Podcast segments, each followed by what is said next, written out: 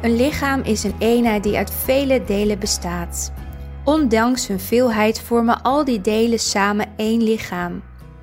En zo is het ook met het lichaam van Christus. Het is een vers uit 1 Corinthiërs 12, vers 12. Broers, zussen, heb je wel eens aan iemand gevraagd: Mag ik van je houden? En dat bedoel ik niet je man of je vrouw of je kind.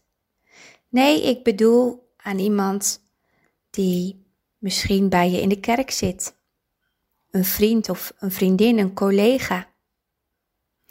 Heb je wel eens aan iemand duidelijk gemaakt: mag ik iets voor jou betekenen? Ben je er wel eens aan toegekomen om iemand te vertellen dat je hem of haar een bijzonder, speciaal en uniek mens vindt? Wij mensen in het Westen kunnen zo krenterig met onze woorden zijn, niet waar? Maar waarom zou je zwijgen wanneer je van binnen iemand waardeert? Onze reis hier op aarde wordt avontuurlijk wanneer we verbinding durven te leggen met de ander. En natuurlijk hoef je niet de hele dag zalvende woorden over de ander uit te spreken. Maar bedenk wel dat de schepper die ander met net zoveel zorg en liefde heeft gemaakt als jou. Bedenk dat God met ieder mens een avontuur wil aangaan. Het draait niet alleen om jou. Het draait niet alleen om mij. God wil met al zijn kinderen iets bijzonders aangaan. Het liedje van Ellie Reckert zegt het zo eenvoudig. Dit is mijn hand en dat mijn voet. Ik heb ze allebei nodig. Waar moet ik heen als één het niet doet? Niets is er overbodig. Dit lied gaat over onderdelen van een lichaam. Wij als kinderen van God vormen het grote lichaam van Christus. Je kunt niet in je eentje het lichaam van Christus vertegenwoordigen. Nee, dat moeten we samen doen. Ieder met zijn eigen gaven.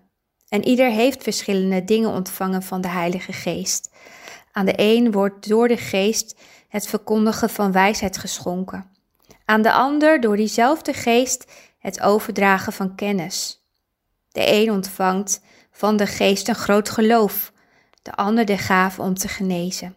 En weer anderen de kracht om wonderen te verrichten, om te profiteren, om te onderscheiden wat wel en niet van de geest afkomstig is, om in klanktaal te spreken of om uit te leggen wat daar de betekenis van is.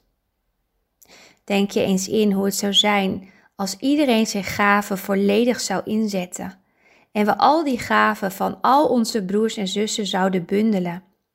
Wat zou er dan veel mogelijk zijn? Wat is het nodig om elkaar te zien? Door de ogen van Jezus. En daarom, broers en zussen, durf vandaag eens te zeggen tegen die mens die jij op je hart heeft: Wat heeft God jou prachtig gemaakt? En wat heb ik jou nodig? Elkaar nodig hebben maakt dat je samen sterk staat.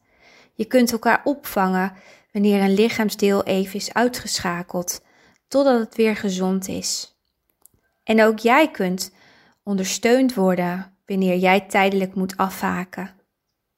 Dat heb ik zelf ook gemerkt toen ik mij een tijdje moest terugtrekken. Anderen namen de dingen van mij over, gelukkig maar. Broers, zussen, ga op zoek naar elkaars gaven, bemoedig elkaar, help elkaar, bouw elkaar op. Geef gezonde, geestelijke voeding aan het lichaam van Christus. Je zult dan samenwerken aan iets geweldigs. Je zult ook merken hoe geweldig het is om onderdeel te zijn van dat ene lichaam. En bedenk, niemand is minder, niemand is meer, want ieder is nodig bij de Heer.